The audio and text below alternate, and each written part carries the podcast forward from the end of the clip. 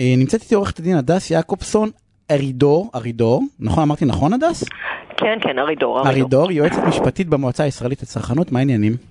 בסדר גמור, ערב טוב, מה העניינים? נהדר. תשמעי, אני רוצה לדבר על נושא מאוד קונקרטי, אני פשוט רואה המון שיח על זה. יש הרבה מאוד אנשים שקנו כרטיסי טיסה לפני הסגר הראשון, אחרי הסגר הראשון שחשבו שהשמיים נפתחים, ובעצם אה, חברות התעופה, חלקן לפחות, לא ממש מוכנות להחזיר את הכסף. או את יודעת, מנסות להציע כל מיני דילים של אה, אה, תשאיר את הכסף אצלנו וניתן לך כרטיס טיסה פלוס 20 אחוז, ואני רוצה שתעשי לנו סדר, מה הם חייבים, מה הם לא חייבים, מה, מה, את יודעת, על מה אנחנו יכולים לעמוד. ברור. אוקיי, אז האמת שבאופן יחסי זה די פשוט. יש לנו את חוק שירותי תעופה, חוק טיבי, כולם מכירים. הוא אמנם עבר איזה שהם אה, הקלות, ו...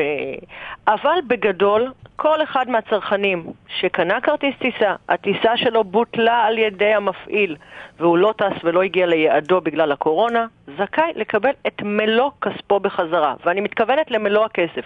לא דמי ביטול, לא עמלת טיפול לא עשר אחוז, לא את כל ה... כלום, כלום, כלום. ואנחנו נתקלים עכשיו המון בעמלת טיפול, עמלת... לא. מאה אחוז הוא זכאי לקבל. אמנם הוא לא זכאי לקבל פיצוי על זה שבאמת נגרמה לו עוגמת נפש, ואנחנו לא מזלזלים בזה, אבל מכיוון שבאמת מדובר באיזושהי סיטואציה מאוד חריגה, הוא רק, במרכאות רק, זכאי לקבל את הכסף שלו חזרה. עכשיו, בחוק הם היו אמורים להחזיר את הכסף תוך 21 יום, אבל בגלל המצב הבאמת חריג, אה, הוכנסו תיקונים, ובעצם נתנו להם ארכה להשבת הכספים. הארכה הזאת קובעת ככה, 90 יום ממועד הטיסה, מהמועד הנקוב בכרטיס הטיסה, או עד ה-24 באוגוסט, לפי המאוחר מביניהם. לכאורה, כולם כבר היו אמורים פחות או יותר לקבל את הכסף. נכון. נכון, אבל שוב נעשה תיקון, והפעם ישנן מספר חברות שקיבלו הקלות נוספות, השמות שלהם מופיעים באתר רשות שדות התעופה, אל על לדוגמה ביניהן. זה באמת חברות שנפגעו באופן מאוד מאוד מסיבי, ולהן נתנו אורכה נוספת. שוב, 90 יום מהמועד הנקוב בכרטיס, או עד הראשון לאוקטובר, על פי המאוחר מביניהם. מה שאומר שבהחלט ייתכן שיש לנו אנשים שקנו כרטיסים איפשהו בסוף סוף אוגוסט, תחילת ספטמבר, ועדיין יש להם לא כאילו, ועדיין אבל יש להם זמן, נכון? את ה-90 אה, יום. 90 יום, נכון. עכשיו, הרבה פעמים באמת התחילו להחזיר לאט לאט את הכספים, לא כולם, זה לא כך פשוט, אה, והתחילו להציע לצרכנים כל מיני הצעות. ההצעות האלה בעיניי דרך אגב הן מבורכות, זה בסדר. רשאיות חברות התעופה לבוא ולהגיד לך, תקשיב, בוא תקבל 125% אה, על הכרטיס, אבל באמצעות כרטיס יקר יותר או ליעד רחוק יותר לתוקף של, לא יודעת מה, שנה. שוב, מי שזה מתאים לו, ואומר בסופו של דבר אני רוצה לטוס, זה מתאים לי, אז, אז הוא יכול לעשות עסקה נהדרת. שוב, מאוד מאוד חשוב. אבל הם לא יכולים להכריח, הם לא יכולים להציג לי כאילו להכריח. אני, תיקח 125 או תעשה זה, זה כאילו... שום דבר. יכולים לבקש יפה. הם יכולים לבקש ממש יפה, ממש יפה ובנימוס, בתקווה שיהיו אנשים שאולי זה יתאים להם ואולי זה ישתלם להם. אבל אם אתה אומר לא, הם מחויבים להשיב את מלוא הכספים. אין פה בכלל שאלה. זה, החוק פה מאוד מאוד ברור.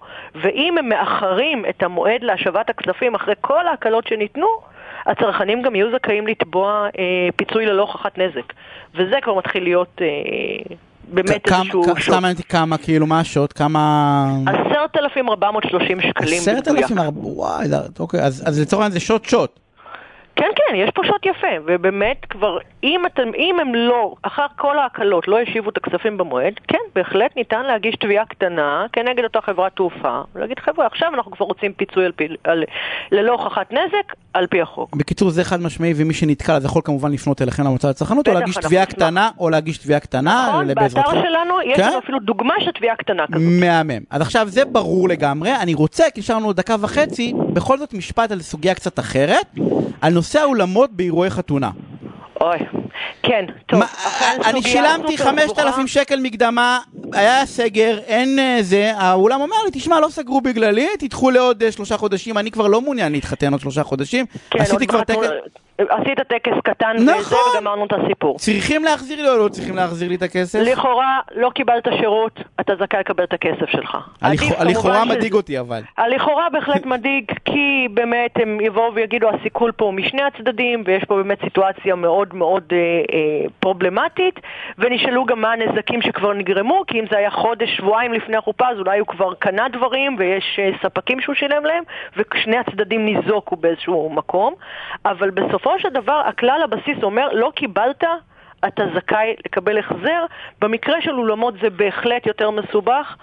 אה, וצריך לבדוק באמת כל מקרה לגופו, ואנחנו ממש ממש מנסים להגיע להסכמות ואיכשהו לנסות למזער את הנזק לכל הצדדים, שבאמת לכולם קשה במק- במקרה הזה. את בעצם אומרת בגדול הכלל הוא לא, לא, לא קיבלת, לא שילמת, באופן גורף, באופן אבל נקודתי, once כבר המקום, זה יכול להיות uh, מישהו שעשה לך שמלת כלה וכבר קנה בגדים, נכון. וזה יכול להיות מישהו כבר הוציא איזושהי הוצאה, אז לא ללכת ראש בקיר ולהגיד חייבים להחזיר, אלא רגע לשבת, לראות אם אכן היו הוצאות ריאליות ואמיתיות ב...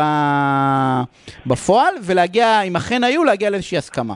נכון, אבל זה לא היו. מחזירים את כל הכסף, נכון? אין פה לעשות על סיבוב. ו- פניו, על פניו בוודאי, להגיד לך שכל זה מה שבית משפט יפסוק בכל תיק, קשה לי להעריך את זה, כי באמת מדובר בסיטואציה מורכבת, אבל מבחינה חוקית, חוזית, חד בוודאי. משמעית צריכים להחזיר. תלוי בגובה המקדמה, מקדמה קטנה, תשחררו ותתקדמו הלאה ותהנו מה... מאיפה שהתחתנתם, ואם היא גדולה, אז תיאבקו על זה. הדס, אני רוצה להודות לך, אה, בעד מה. שיהיה ערב אה, מעולה.